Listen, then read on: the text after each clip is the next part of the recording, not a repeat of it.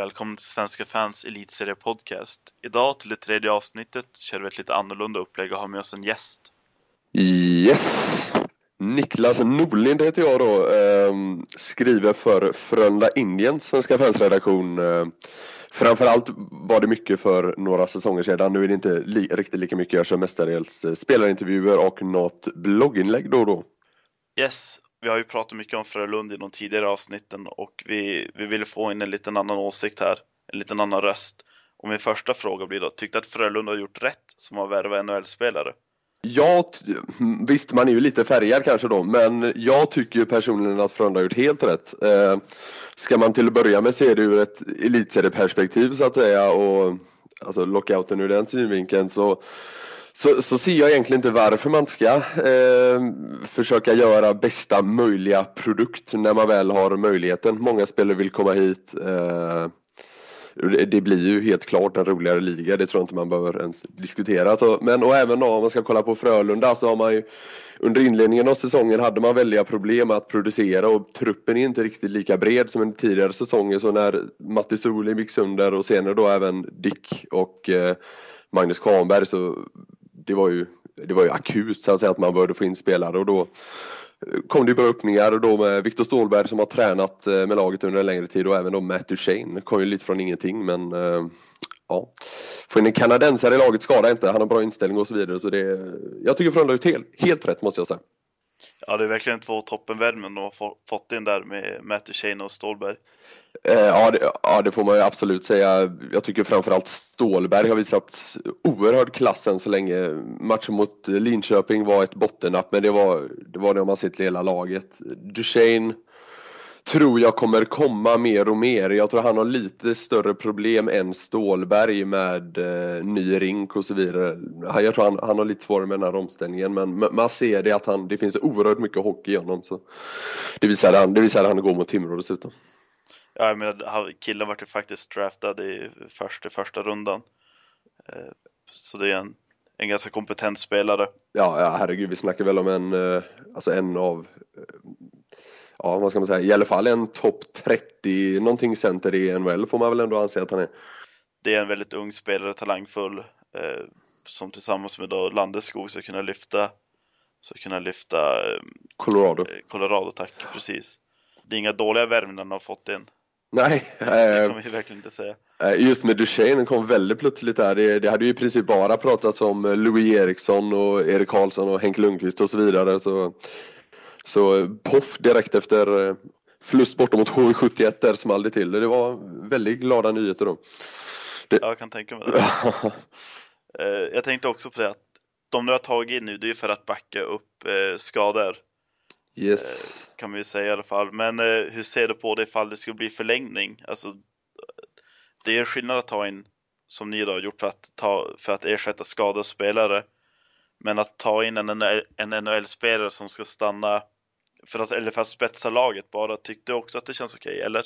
Ja, alltså, alltså ska man hålla sig till hockeyligans eh, överenskommelse så, så ska man väl inte göra det. Jag kan tycka att den ska man väl kanske inte då helst gå ifrån. Alltså man ska ju, det har ju tagits ett gemensamt beslut att man inte ska ta in NHL-spelare bara för att spetsa truppen och så vidare.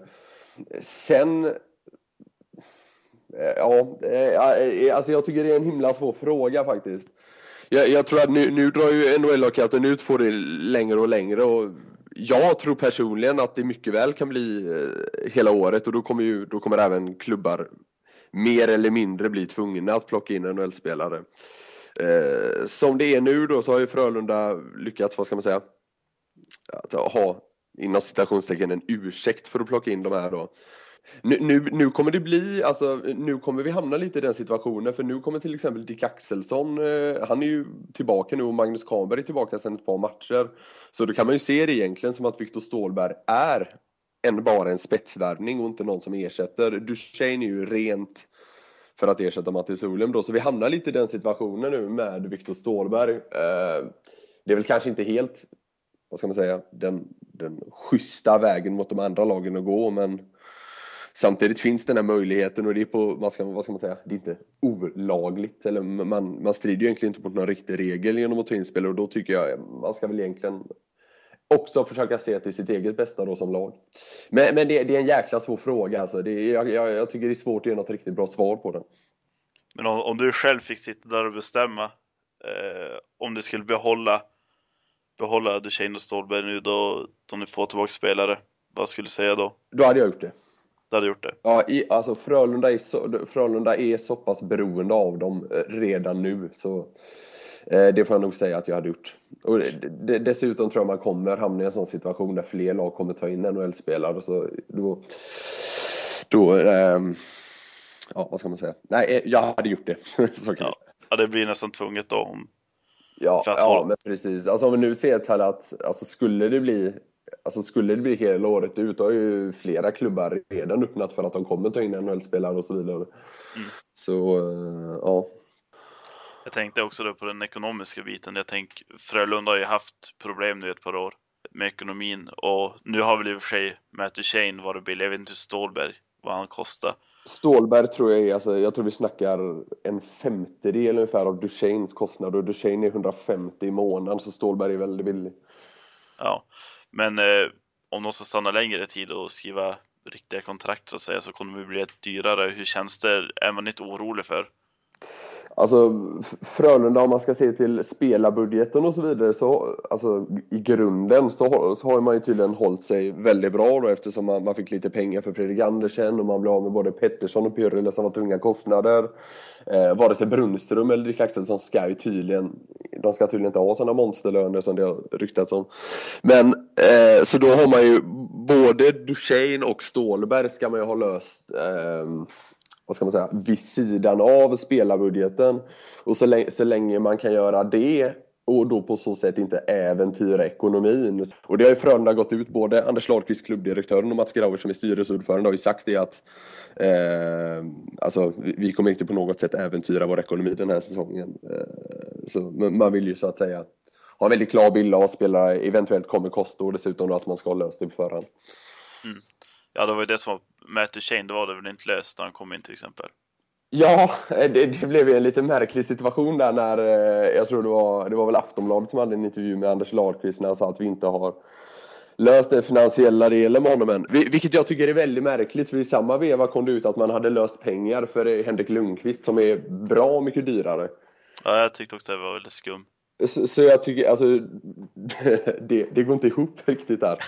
eh, jag, jag, vet inte riktigt vad jag ska säga, jag tycker det hela låter väldigt märkligt men eh, nu, eh, jag tror, helt plötsligt har det börjat välla upp en jädra massa reklam och grejer om Volvo kring Frölunda. Så det, det, känns som de mycket väl kan ha ett finger med i leken. Och jag tänkte sista biten då, det är ju Frölunda har haft problem med målvaktsspelet. Mm. Eh, hur viktigt skulle det vara att få in till exempel Henke Lundqvist? Alltså få in världens bästa målvakt eh, som dessutom är omåttligt populär. Det såg man om inte annat igår när han fick stående ovationer och så vidare. Det, det, hade, varit, det hade varit ett fantastiskt lyft. Jag tror, jag tror Skandinavien hade blivit fullsatt varenda match i princip. Och, ja, och sen även då hade han bidragit något oerhört till den sportsliga delen. Nu tycker jag att eh, till exempel Julius Hudacek har fått oförtjänt mycket skit, måste jag säga, i säsongsinledningen. Han har han har väl en tre, fyra mål på sitt samvete som han ska ta, men i övrigt har han gjort Alltså, alltså han, har, han har gjort, man ska inte bortse från det, men om han gör det så har han varit alltså, riktigt, riktigt bra. Så kan han bara sudda bort, sudda bort detta och fokusera under 60 minuter av matcherna så, så tror jag man har en riktigt bra första målakt i honom. Men det, alltså, vill Henke komma, kan man lösa det så det, det är ju inget snack naturligtvis. Och där tackar vi Niklas för intervjun och har fått lite åsikter från en Frölunda-supporter också. Tack så mycket! Och med det går vi vidare till vår ordinarie laguppställning med Stefan och Erik här. Eh, och bara för att knyta ihop säcken kring lockouten lite grann. Har ni fått nya åsikter? Hur, hur länge tror ni att lockouten kommer att vara nu? Ja, vad, vad, har vi på lockouten den här veckan egentligen? Um, jag, jag hade ett uh, snack med Mike Hellberg igår han, han verkar i alla fall, om man får använda ordet, hoppfull om att det kommer, eh, kommer ta slut. Eh, och jag, jag har personligen inga, inga kontakter på andra sidan Atlanten där så att jag, jag har svårt att ha någon annan åsikt faktiskt. Jag hoppas att han har rätt. Ja, jag vet inte riktigt vad jag ska tro. Eh, när man väl läste den här nyheten om det här anbudet eh, 50-50 mellan NHL och facket då vart man precis som alla andra eh, väldigt hoppfull men jag, jag, kände någonstans i det här så kände jag bara att det kommer inte att gå ihop. Det kommer vara någon liten skitgrej som kommer att stoppa alltihopa och det fortsätter att vara en lockout. Och tråkigt som bara den så hade man ju faktiskt rätt på den saken och man blir faktiskt bara förtvivlad. Vart det står nu, det, det är så jättesvårt att säga för jag tycker bara det är en riktig skitsak det handlar om. Jag menar om att NHL, det är klart att man kräver att NHL ska ära kontrakten men vad säger att de inte ska göra det? Det, det är min fråga egentligen. Vad, vad, säger att de inte ska göra det? Alltså saken var den att då Gary Bettman gick ut med att eh, det ska vara 50-50 så var det tydligen bara ett PR-trick för att skapa lite press på, på spelarfacket istället. Eh, så det låg ju verkligen ingen sanning i det där. Mötet var väl bara en, en och en halv timme. Och de är väl längre ifrån varandra nu än vad de var tidigare som jag har förstått det. Då låter det nästan som en repris från 2004-2005 i ja. sådana fall för att det, det, var ju exakt likadant då. Jag menar för varje möte så gled de bara längre och längre isär till slut. I januari så säger, så är ju Bettman, jag menar jag kan inte göra något annat än att stänga ligan nu. Och då hade ju elitseriesäsongen redan gått in i avslutningen av eh, alla värvningar om man säger så. Ehm, alltså det, det, som, det som jag förstod då av, av eh, vad Hellberg sa eh, var att den stora skillnaden från förra lockouten och idag var att då så, så gick det väldigt dåligt ekonomiskt för, för klubbarna och för NHL som, som liga. Det fanns ingen riktig anledning för dem att känna någon press över att komma igång snabbt för de gick ju ändå med förlust hela tiden. Mm. Eh, skillnaden är att nu så gör de ju stora vinster. Så varje dag som, som det inte blir spel är ju en, en enorm förlust för dem. Eh, så, och att det därmed skulle öka chanserna att, att man kommer, kommer igång. Det är därför, då, då är ännu större fråga varför vill spelarna dra ut på det? För de vet hur mycket klubbarna går med förlust med. Det är förluster som spelarna ska ha sen i slutändan. Det är lönerna vi pratar om. här. Vill de förlora någonting som de redan kämpar för? Det, det är, jätte, det, det, är liksom en skitsak just nu tycker jag. Dra igång för fan. alltså, det handlar ju ändå om gigantiska summor pengar. Liksom. Alltså, det var ju skitsmart av Bettman att gå ut och säga att ah, men nu erbjuder vi 50-50. Liksom. Det kan ju inte bli rättvisare än så. Men jag menar, det handlar ju fortfarande om en sänkning på, uh, vad är det, 7, de har, spelarna har 57 procent nu tror jag. Ja. Uh, men det är, ju, det är ju gigantiska summor pengar det handlar om. Speciellt med uh, tanke på att förra lockouten fick de ju gå ner 24 procent. Var det så? Ja, det, det, har jag faktiskt ingen koll på. Men... Jag, jag, jag kan inte säga säkert, men det var, det var väldigt stora summor då i alla fall och de ville inte vika sig en gång till. Nej. Ja, men det jag menar är liksom, jag, jag säger inte att, att det är ligan som har rätt men, men man vet ju inte liksom vad, som, vad som egentligen sägs bakom lyckta dörrar. Vi vet ju inte vem det är som, som är värst. Troligtvis så är de väl lika sviniga båda två. Det är väl så det går till i, i förhandlingar. Alla vill ha pengarna. Ja, precis.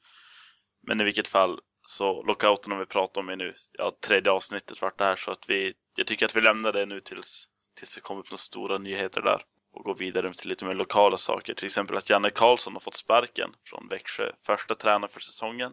Var det rätt eller fel av Växjö att ge han sparken efter bara 13 omgångar? 13 omgångar. Eh, en månad dröjde det och jag vet inte, förra året så dröjde det väl framåt nyår eller juluppehållet någonstans där. Eh, om jag inte är helt fel. Sen eh, gå in på frågan rätt eller fel. Växjö var i lite kris och bara igår så gjorde man ju faktiskt sitt första mål i PP. Jag får säga grattis, grattis, det behövde ni faktiskt. eh, deras läge, då säger jag ja, ni gjorde rätt. Att ersätta, eh, ersätta positionen med Sam Hallam. Framtida insikter, nej, ni gjorde fel. Alltså jag känner bara att det... Alltså ger man en tränare ett förtroende så ska man på något sätt ge en chans också. 13 omgångar är verkligen inte nog att bevisa. Jag menar, vilket lag har, alla lag har formsvackor. Nu tror jag inte att Växjö är det lag som kan resa sig och gå mot slutspel, men jag tror absolut att det var för tidigt att sparka Janne Karlsson, speciellt eftersom Janne har varit har egentligen varit med och byggt upp Växjö till en stor klubb. Eh, han tog upp dem till elitserien jag vet inte, var han inne på sitt femte år nu tror jag, som tränare. Och att sen då bara kasta ut oss sådär efter 13 dåliga omgångar. Nej, det, det håller inte. Pressen syntes ju på honom också efter, efter de här förlusterna som han gjorde. Jag tror de hade sex raka innan de bröt sviten mot Färjestad och vann på straffläggning. Det syntes i ögonen på Janne Karlsson, nu är det riktigt tufft. Alltså, han har, fått, han har liksom fått veta nu att gör du ingenting då, då måste vi börja ta en diskussion om vad vi ska göra framöver för att det här funkar inte. Eh, Henrik Evertsson har ju han har varit jättebra i de tidiga åren och kunnat knyta till sig de här nyckelspelarna och det har han gjort även i år. Sen är det ju upp till Janne att försöka spela ihop de här och det har inte funkat och då kommer det till det här beslutet att man behöver en ny röst. Det är inte fel i sig, men Janne Karlsson har som du säger Anders, han har lett det här laget i fem år. Att han inte har större förtroende än efter 13 omgångar in i elitserien, sitt andra år i elitserien, då, då liksom börjar man undra det, om det ens fanns något förtroende redan innan säsongen. Ja, men det, det är det som är väldigt konstigt. Alltså jag, jag kan ändå ha eh, förståelse för att man gör sig av med tränare, som sagt, när halva, halva säsongen är spelad eller ännu senare. Men, men just när det har gått så kort tid, det, det är fruktansvärt konstigt. Framförallt när jag tyckte att Växjö ändå var överraskade positivt förra säsongen. Det känns snarare som att det är lagbygget som har fallerat i år. Sen är det alltid bekant, andra säsongen i elitserien brukar vara oerhört tuff. Om man inte är AIK då? Om man inte är AIK. Som verkar, verkar kanske bli svårt för dem nu istället då. Ja, precis. Men eh, nej, jag vet inte, jag tycker så att har man, har man gett förtroende till en tränare så ska han på något sätt kunna Alltså känna att han har föreningen i ryggen. I alla fall ja, ett tag längre så här i alla fall, tycker jag. Det handlar ju som sagt om förtroende och man måste få mer tid än, än 13 matcher. Det, det är konstigt tycker jag. Jag minns det fanns någon, eh, inför säsongen fanns en omröstning både på Aftonbladet tror jag, om vilken tränare som skulle sparkas först. Och det var väl Janne Karlsson tvåa och eh, Perra Jonsson var väl rankad som att ska vi få sparken först. Tror du att det blir några mer tränarsparkningar i år? Eh, innan jag svarar på det så kan jag faktiskt vända in och säga att det fanns ju även en enkät där spelarna svarade på vilken tränare vill du spela under minst? Och då var Janne Karlsson den tränare man minst ville spela under. Det kan också tyda på hur mycket spelarna har svårt för honom. Det låter jag vara osagt. Eh, kommer fler tränare att sparkas? Ja, det kommer det att bli. För att det är någonstans mitt i säsongen som det alltid kommer det här beskedet det funkar inte helt enkelt. Det är, det är alltid något lag, jag vet inte vilka det kommer att vara. Det kommer att vara jättesvårt att svara på det. Det har som sagt bara gått 15-16 omgångar. Men ja, för att svara på frågan, det kommer att vara fler tränare som får lämna sina positioner i år. Ja, precis. Det är väl, det är väl nästan alltid det där runt, runt jul, nyår liksom. Att, att det är någon eh, som får gå åtminstone. Eh, just för att då, då börjar man närma sig allvaret troligtvis och tålamodet eh, försvinner. Eh, så jag tror Perra sitter väl inte direkt säkert trots att det har väl sett lite ljusare ut nu på sistone. AIK har ju spelat upp, sig, spelat upp sig nu på, på slutet. De, de inledde ju ganska bedrövligt om man får säga så faktiskt. Ja, precis. Eh, men ja, vi får se. Det blir spännande att se. Det där börjar få mig också att tänka på att inför varje år så snackas det om att tabellen förväntas vara jämn och det ska komma att vara strid in till sista omgången och alla de här eviga klyschorna. Men det ser inte ut att hålla riktigt idag. Jag är en av dem som eh, har eh, sagt det både den här och förra säsongen tror jag. Förra säsongen så var det, väl, eh, så var det ju väldigt jämnt i och för sig. Men, Bortsett från Timrå. Ja, precis. Men nu så ser vi ju redan en ganska tydlig skiktning. Sen är det väl i och för sig tveksamt om det kommer att hålla i sig, men Ja, jag vet inte, jag, jag, tror ändå att det kommer, se, det kommer vara tajt runt, eh, runt sträckan när, när vi närmar oss eh, mars. Ja, alltså mm, det är, det är den typiska delen av säsongen som det blir så här tajt och jämnt och man, vet, man pratar om det, det är sista laget i slutspel, det är sista laget i kvalserien, vilka är det som får hamna i ingenmansland? Det är alltid det här eh, spänningen som stiger inför de här sista omgångarna någonstans där i februariskiktet just nu så kan man ju se ett tydligt mönster på just slutspelslagen och det är ju det som har skilt sig från förra året. För förra året var det alltid att ett lag vann första matchen så förlorade de andra. det var ett annat lag som vann. Alltså man bytte plats hela tiden. Nu är det ju det här som bryter mönstret. Titta på tabellen nu med Frölunda som tog tre poäng igår. Färjestad förlorade efter straffar idag. Nu ligger Frölunda på 21 poäng medan AIK eh, på nionde plats strax under ligger på 15 poäng. Det är två matcher upp. Samtidigt så har AIK två matcher mindre spelade. Så det finns en viss jämnhet, men det är poängskiktet som skiljer sig från förra året. Min känsla är att de, om man ser som de fyra bottenlagen, Rögle, Timrå, AIK och eh, Växjö, kommer förmodligen att vara rotade där nere. Jag, jag, tror att det redan nu är avgjort vilka som kommer gå till slutspel och vilka, vilka som kommer hamna i kvalserien eller ingenmansland. Jag, jag har väldigt svårt att se vilket av de åtta lagen som är i toppen som skulle åka ner dit. Nej, men det, det, det syns faktiskt redan nu. Jag håller med dig där. Jag har ju tippat Timrå sist inför säsongen och jag kommer hålla på det. det. De håller sig där nere i skiktet. Rögle däremot har ju ja, det är ett misslyckat lag för mig, det är en besvikelse. De hamnar där nere. Det, det är inte deras fel egentligen. Det är, det är omständigheter som har hänt helt enkelt.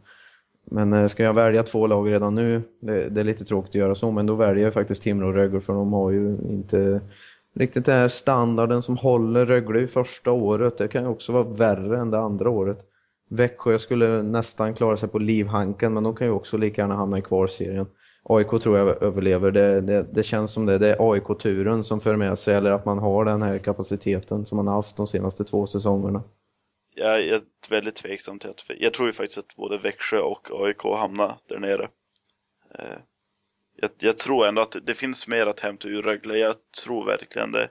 Det känns som att laget har underpresterat så här långt. Och, jag, vet inte, jag, jag tror verkligen att de kan komma upp i, i tabellen och hamna i ingenmansland. Tillsammans med Timrå som jag också tippar sist inför, inför säsongen. Men eh, jag vet inte, det känns som att Timrå är ett bättre lag än i fjol. Det är lite samma sak i toppen av tabellen också nu. Vi har väl egentligen åtta lag där. Som, eller det kom förmodligen att vara det Frölunda och Färjestad som inte ligger lig sådär jättebra till nu. Om vi inte är helt ute och cyklar. Ja, Nej, det är fem poäng upp till Skellefteå från Färjestads sida och Frölunda ligger en poäng bakom Färjestad. Där är sex poäng upp med Frölunda har ju en match mer spelad än både Färjestad och Skellefteå, men det, det är ju ett litet skikt där också. Det, man får ju se helt enkelt hur det fortsätter, om det är något lag som om man säger kan tänkas byta plats med dem eftersom, då, men det får vi se helt enkelt. Ja, det, alltså just i toppskiktet så är det ju, där är det definitivt eh, jämnt. Där har vi ju som sagt Skellefteå ligger på 27 poäng på sjätte plats och tre poäng upp bara ligger HV. Nu har ju de i och för sig bara 13 matcher spelade eh, mot Skellefteås 15 men, eh, men ändå, är med, det är ju det är sex placeringar inom tre poäng. Alltså det är väldigt, det är väldigt tajt där uppe. Eh, och varje match spelar väldigt stor roll. Och det ska inte förvåna om det kommer att se ut så här hela säsongen i alla fall med kanske sex olika lag. Eh, men sen att just botten kommer att vara väldigt cementerad där och jag har väldigt svårt att se att det kan, komma att röra på sig någonting där nere nästan. Ja, det är väl eh, möjligtvis då om vi, om vi snabbt ska återgå till lockouten att eh, beroende på hur det utspelar sig där så skulle det kunna bli förändringar. Vilket av de fyra lagen i botten skulle kunna klättra? Nej, men på grund av lockout? Säg att, eh, säg att AIK till exempel får in, eh, Huselius har ju tränat där till exempel och är med, får de in honom och, och kanske två, två ytterligare eh, riktiga klassspelare med då, det är klart de kommer börja klättra då, det, det, det tror jag. Eh, eller snarare, chansen finns ju beroende på hur, hur övriga lag rustar. Men, eh, och så måste vi tänka på att det kommer förmodligen inte ske inom en snar framtid att, att, eh, lockout för, att det förklaras som en lockout för säsongen. Så att då kanske AIK kanske redan ligger för långt efter för att börja klättra. Jag vet inte om du... Sista. Ja, ja, absolut, men eh, jag, tänker, jag bara spekulerar i liksom att saker och ting kan ju faktiskt förändras. Även om jag nu inte inte tror att, att det kommer se speciellt annorlunda ut när säsongen närmar sig slutet. Tänker man sig in där så är ändå sista, sista utgången för NHL i januari. Det är då man kan köra den förkortade säsongen innan slutspel. Och eftersom Hockeyligan har gått med på, eller jag säger inte att det är Hockeyligan, men det har i alla fall sagts att sista transferfönstret skulle ju förändras och flyttas framåt i tiden om en jag tror det var om NHL-lockouten skulle bli hela säsongen, då skulle man flytta fram transferfönstret och då kan det verkligen ske en förändring. Men i januari här i elitserien, då kan det också vara alldeles för sent för bottenskiktet, så jag vet inte riktigt hur, eh, hur de, de fyra som är där då, jag vet inte hur de skulle klara av det här. Då gäller det nästan att spela på det material man har för att skapa ett förtroende för den trupp man redan har nu. Då kan jag lova att de kommer att ge med sig och det kommer att gå framåt. Det gäller egentligen att ha tålamod. Sen är frågan hur mycket tålamod man har. Ja, men ursäkta, alla lag har väl kanske inte riktigt nog, nog vassa trupper för att kunna vara uppe i toppen och, och kämpa om slutspelsplatser heller. Men ja, det Nej. kan ju krävas, det kan ju krävas spetsvärvningar. Allt det där beror ju på, märkligt nog så har ju AIK inte gett sig in i det där även om man lossade rätt, rätt mycket pengar från de här två åren i elitserien för att fullsatt Hovet, det, det borde ju dra in lite. Samtidigt så har man rätt höga avgifter också för att, för att spela där. Och, och jag vet inte, det är bara en bagatell egentligen men jämfört med deras utgifter och jag är inte alls insatt i deras ekonomi så, men jag tycker det är märkligt att man inte har värvat in bättre. Eh, Eftersom man tappade Ro- Robert Rosén och man tappade Rickard Gynge, man tappade Viktor Fast. Man tappade oerhört mycket material som man kunde ha haft nytta av för den här viktiga tredje säsongen. Egentligen så ska man ju vara med i det här slutspelsgänget och slåss där. För det har man visat gång på gång nu. Ja, det var väl kanske, kanske mycket på grund av de tre spelarna du sa och framförallt Viktor Fast Det är mycket möjligt. som, som var en stark bidragande faktor där. Mm. Ja, men i vilket fall, det är för tidigt att säga hur tabellen kommer kunna se ut. Det, det kan ju, alltså sker en skada på en nyckelspelare i, i botten av toppskiktet, det vill säga typ lag 6 till 8, så kan det ju hända att de halkar ner. Yes, då avrundar vi där och går på lite, eftersom, eller egentligen ska vi bara prata om elitserien, så det här är väl lite borderline. Men det är European Trophy i alla fall, European Trophy här. Eh, där vi har är det, sex elitserielag plus Djurgården. Eh, jag har ju själv inte varit så jätteinsatt eftersom att eh, Skellefteå inte spelar där. Men jag tycker konceptet är väldigt spännande att få, få fara, ut, fara ut i Europa och mä, mäta sig med lite andra ligor. Har ni några åsikter om? Ja, det är, det är en väldigt intressant, det är ett intressant koncept på det viset för att jag, jag själv varit inte mer intresserad, eller jag har inte varit så intresserad av European Trophy som i år faktiskt. Och det är väl mest för att man saknar ishockeyn så mycket så att man vill verkligen titta på ishockey. Det liksom drar folk och man tycker att det ska dra mycket mer folk än vad det har gjort. Eh, I utlandet däremot så drar det full publik vad jag har märkt i både Tyskland, i Slovakien, i Tjeckien, inte här i Sverige. Det är obegripligt för mig men hockeyn kanske inte är större än så på sommaren.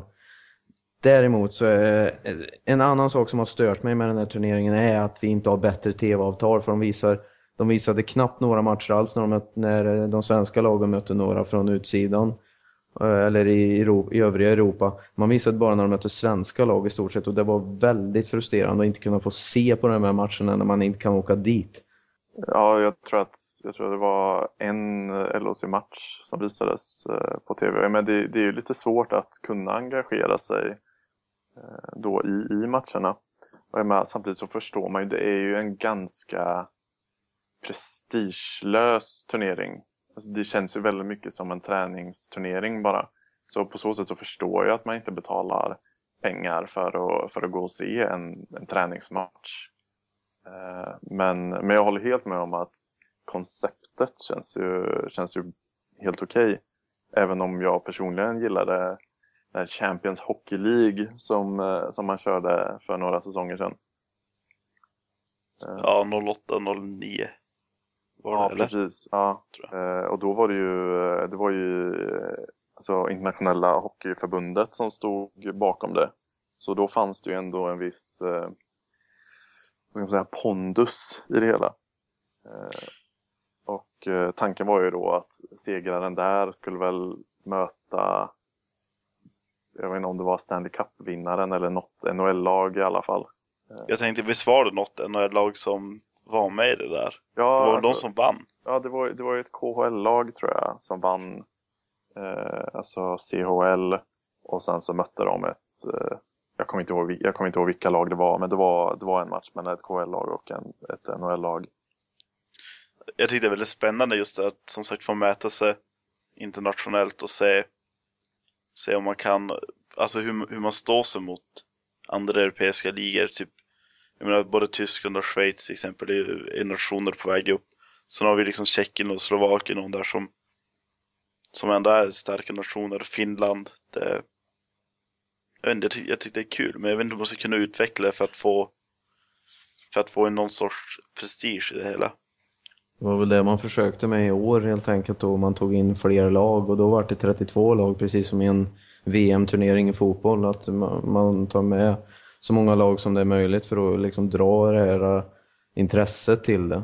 Och även det kan eh, godkännas som en succé, jag vet inte riktigt. Jag satte mig inte, inte, inte riktigt in i det här men Ja, för, för min egen del så tyckte jag det var jättekul att få se för då var det lite fler. Det var ju diverse KL-lag med i turneringen och det var faktiskt roligt att, att veta att det finns lite kraftigare motstånd än till exempel att mäta sig med elitserielag. Det vet man ju redan hur det brukar vara.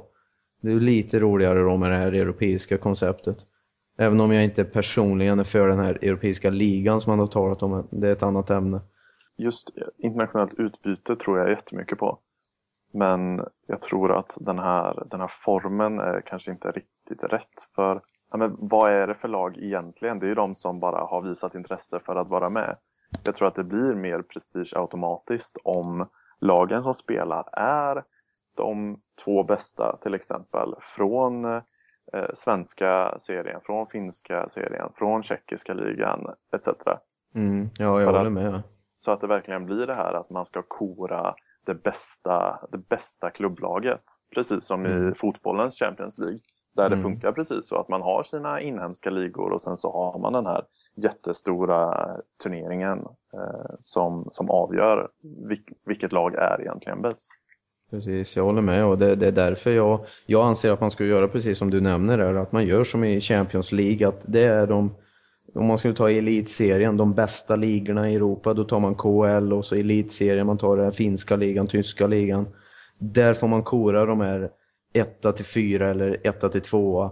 Man tar de här bästa klubbarna som får vara med direkt eller att fyran får kvala till den här turneringen. Jag menar, det är då man får den här prestigen. Det är då det verkligen blir det här man kämpar för. Mm. Absolut. Ja, precis för nu. Eh, jag pratade med Erik tidigare idag. Vad sa du att HV ställa upp hur många juniorer sa du? Jag, jag tyckte mig läsa att de ska ställa upp med 17 juniorer i sin nästa match. Eh, delvis beroende på att de redan är klara för slutspel då i European Trophy. Men, men det säger ändå en del om att det inte finns någon riktig prestige i att vinna. Tar du Linköping också, eh, om jag får bryta in där, så kommer de plocka upp en hel del. Det kommer nog bli den yngsta truppen de ställer upp nu på A-lagssidan i år, bara för att man möter Kalpa imorgon i European Trophy.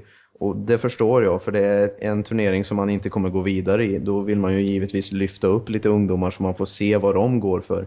Bland annat en väldigt intressant spelare i Jakob Vrana som spelade i J18 i fjol. Han är 17 år och har redan gått upp till 16 J20. år faktiskt. Han är 16 år ja. och gått upp till J20 redan och, och, folk talar som att hans, jag menar, hans kapacitet talar för A-lagsspel redan nu. Det är en otrolig talang man har lyft fram där. Ja, absolut. Det är flera andra också som du säger som ska upp. Och jag med, det är ju det. Eh, det kommer inte bli någon slutspel för LOC European Trophy. Och man har spelare som är liksom slutkörda, kanske har lite småskavanker. Så det, det finns ingen mm. anledning att, eh, att riskera någonting då. Nej, precis. Och Färjestad är likadant. Även om man har chans att gå till slutspel så kan man se på deras dagsform i elitserien. De har ingen... Jag tycker att det är faktiskt skit samma hur det går i European Trophy. Ska man fokusera som ett lag eh, som heter Färjestad, då ska man faktiskt fokusera på elitserien. För det är där man vinner någonting i de här. I och med att turneringen inte är så prestigefull som man borde vara. Då kan man lika gärna göra som Linköping nu, gör nu man, och, och HV71 plocka in de här juniorerna. Jag menar, visa att ni tror på de här, för det är där ni finner framtiden också. Det är jätteviktigt. Jag känner också det. Det, det är väldigt bra att, att uh, spelare som kanske kan vara aktuella sen då för VM eller mindre internationella turneringar med Tre Kronor får chansen att möta internationellt motstånd på så här inom Hartassas oseriös nivå liksom. Det, jag vet inte om det är just någon som, som bryr sig så jättemycket om turneringen. Jag vet inte hur, hur det ser ut i i till exempel Tjeckien eller Finland eller Schweiz. Om det finns någon prestige för dem att vinna.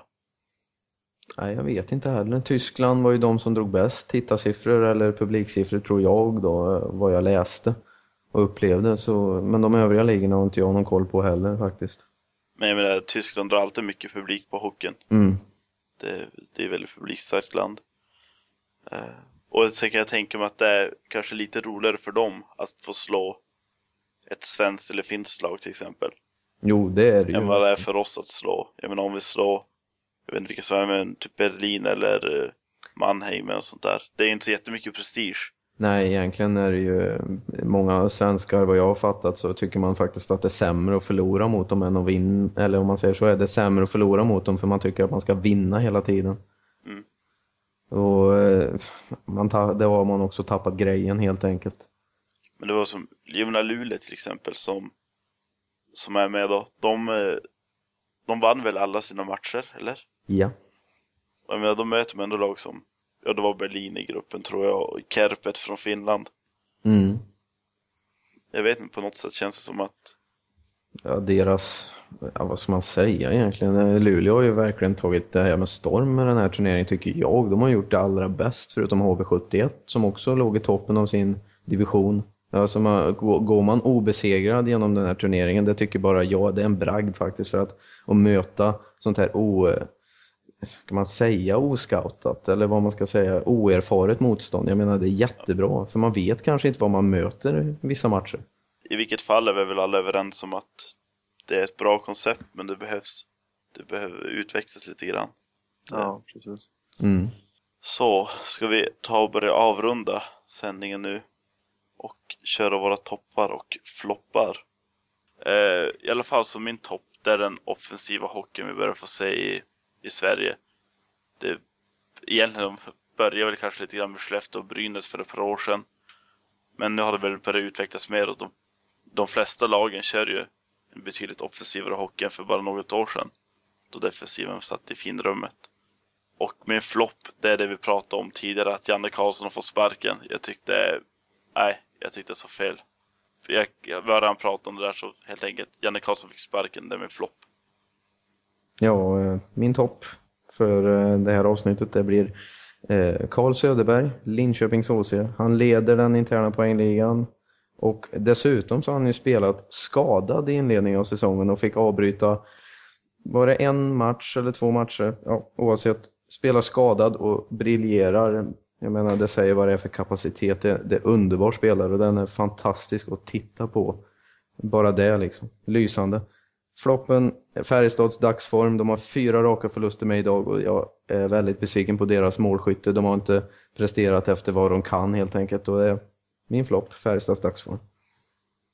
Jag, jag kommer återupprepa då en topp här med eh, den offensiva hockeyn.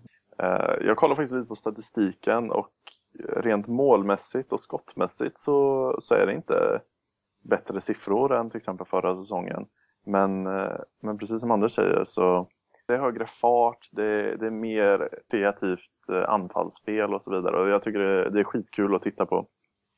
Min flopp är något uttjatad i tv har jag insett här. Men det är domarnas behandling av Rahimi som eh, gång på gång visas ut för eh, bra tacklingar. Och man kan ju förstå att domarna känner en viss press i och med att det varit en del otäcka skador och, och fula tacklingar. Men eh, det känns väldigt viktigt att vi fortsätter att tillåta tufft, hårt men regelrätt spel. Då avrundar vi även vårt tredje avsnitt och på återseende på två veckor. Hej då!